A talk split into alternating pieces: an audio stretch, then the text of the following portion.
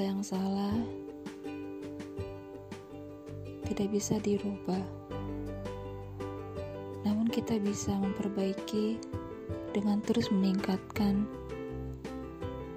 apa yang sudah kita lakukan untuk lebih memperbaiki diri. Yaitu dengan mencintai diri sendiri.